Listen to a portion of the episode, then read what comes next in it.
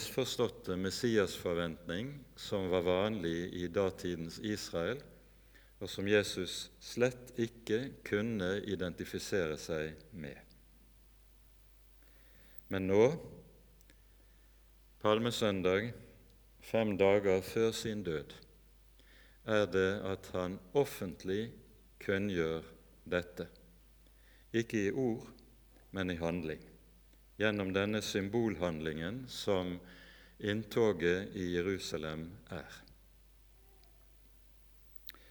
Og Med det så peker Jesus på en av hovedsakene som kjennetegner hele hans virke, og som han allerede gjør klart i bergpreken når han sier dere må ikke tro at jeg er kommet for å oppheve loven og profetene.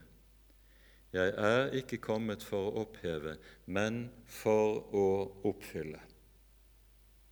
Saken er den at hele Jesu liv, hele Jesu virke, hele Jesu budskap er en eneste sammenhengende oppfyllelse av løftene av det som er gitt i de hellige skrifter i Det gamle testamentet. Jesus sier at han er kommet for å oppfylle, og med det beskriver han hensikten med sitt komme. Hensikten med Jesu komme består nettopp i å oppfylle Guds løfter, slik de er gitt i de hellige skrifter. Og Et av disse løftene som taler tydelig om hans komme, er altså ordene hos profeten Zakaria. I ordet hos profeten Zakaria så får vi også høre meget tydelig hva slags Messias, hva slags frelser han er som skal komme. Rettferdig er han, full av frelse. Saktmodig, ydmyk kommer han. I noen oversettelser står det saktmodig, i andre ydmyk. Grunntekstens ord betyr bokstavelig en som er dypt, dypt nedbøyet. For det er nettopp det Jesus gjør når han kommer. Han er i sin person og i hele sitt virke er han den hellige Gud som bøyer seg ned til oss og er og blir dypt nedbøyet.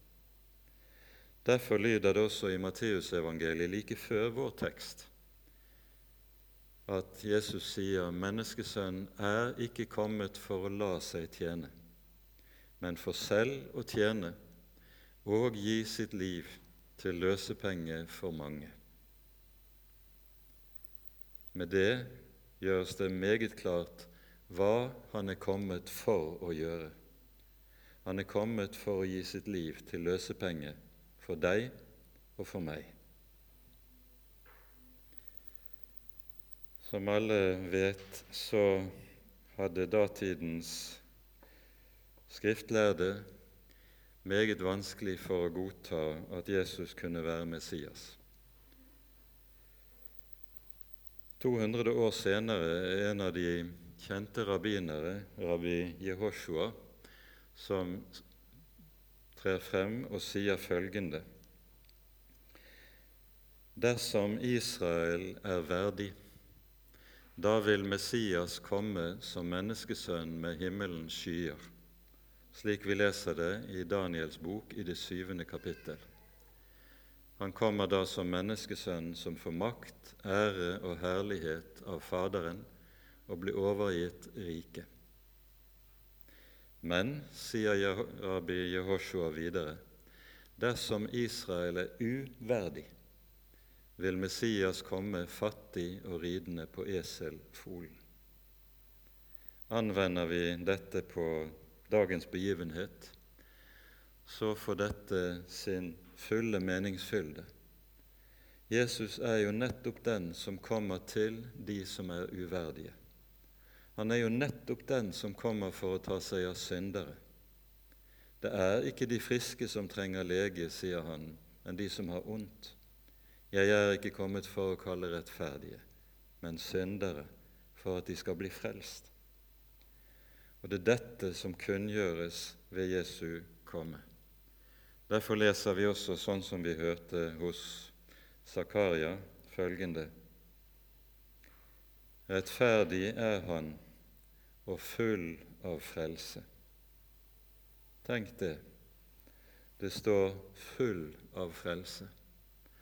Han kommer så å si med begge hendene fylt med frelse, fylt ikke med noe annet enn frelse, som han kommer for å dele ut, dele ut til høyre og til venstre, til syndere og fortapte, for at de skal få liv, få syndenes forlatelse, få eie et evig håp.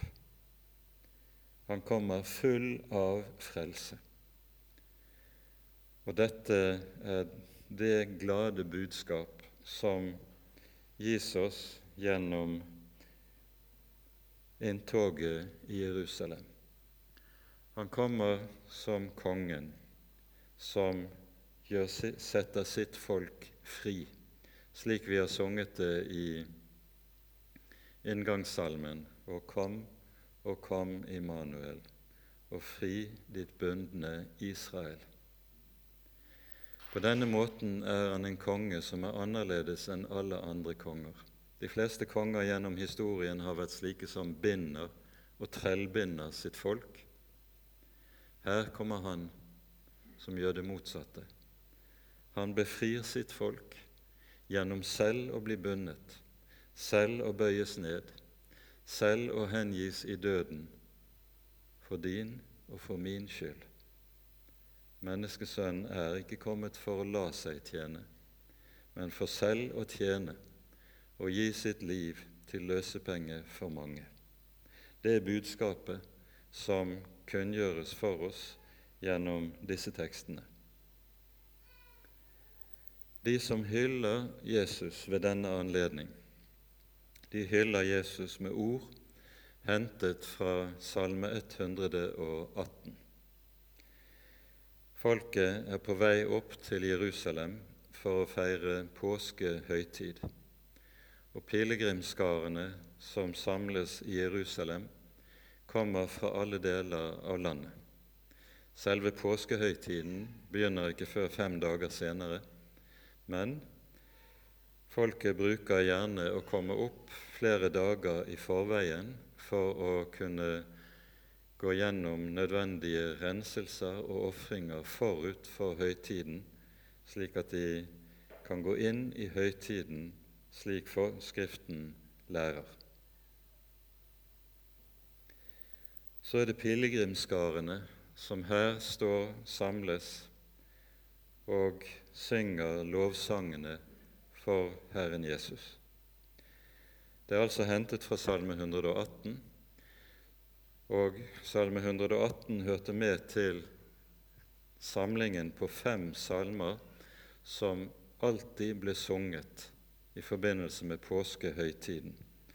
Salme, fra Salme 113 til, til og med 118 så sang man disse salmene både under påskemåltidet men også ellers i tempelet når folket samledes der.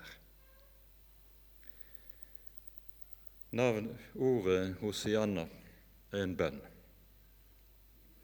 Og den betyr, om du skal oversette det bokstavelig, Herre, vær så snill og frels. Det er en inderlig bønn om at Herren skal gi frelse til den som er utenfor ethvert håp. Herre, frels. Og så kommer det i fortsettelsen Velsignet være Han som kommer, i Herrens navn. Og så ser vi i Skriftene, ikke minst også i evangeliene, at Jesus hyppig bærer navnet 'Han er den som kommer'. Han kommer med frelse. Og når han bærer navnet 'Den som kommer', er det for å gjøre klart for oss at han er ikke bare en som kom den gang, for en, en gang i historien, men han er den som kommer, kommer til oss på ny og på ny for å dele ut sine gaver, sin nåde, sin frelse. Og det er det adventstiden også skal handle om. Jesus kommer til oss, kommer til oss på ny med sin nåde, med sine gaver. Og Disse gavene hviler i det som også sies i den 118. salmen, et par vers forut for versene der det står Hosianna, velsignet være Han som kommer. Der står det Den sten som bygningsmennene forkastet, er blitt hovedhjørnesten. Når Jesus rir inn i Jerusalem, er det for å bli forkastet av bygningsmennene. De lærde, de vise, de mektige forkaster ham og henger han opp, opp hjelpeløs på et kors. Men nettopp ved dette blir han hovedhjørnesten, opphavet til evig frelse for deg og for meg. Han kommer full av frelse. Det er budskapet, og det er den store glede som folket kan juble over. Folket som jublet den gang, forsto neppe rekkevidden av dette. Vi får lov til å se hvordan Skriftene er oppfylt. Vi vet hvordan mennesker nok forkastet ham, men av Gud ble han gjort til hjørnesten. Ingen kan legge en annen grunnvoll enn den som er lagt, skriver Paulus, Jesus Kristus, vår Herre.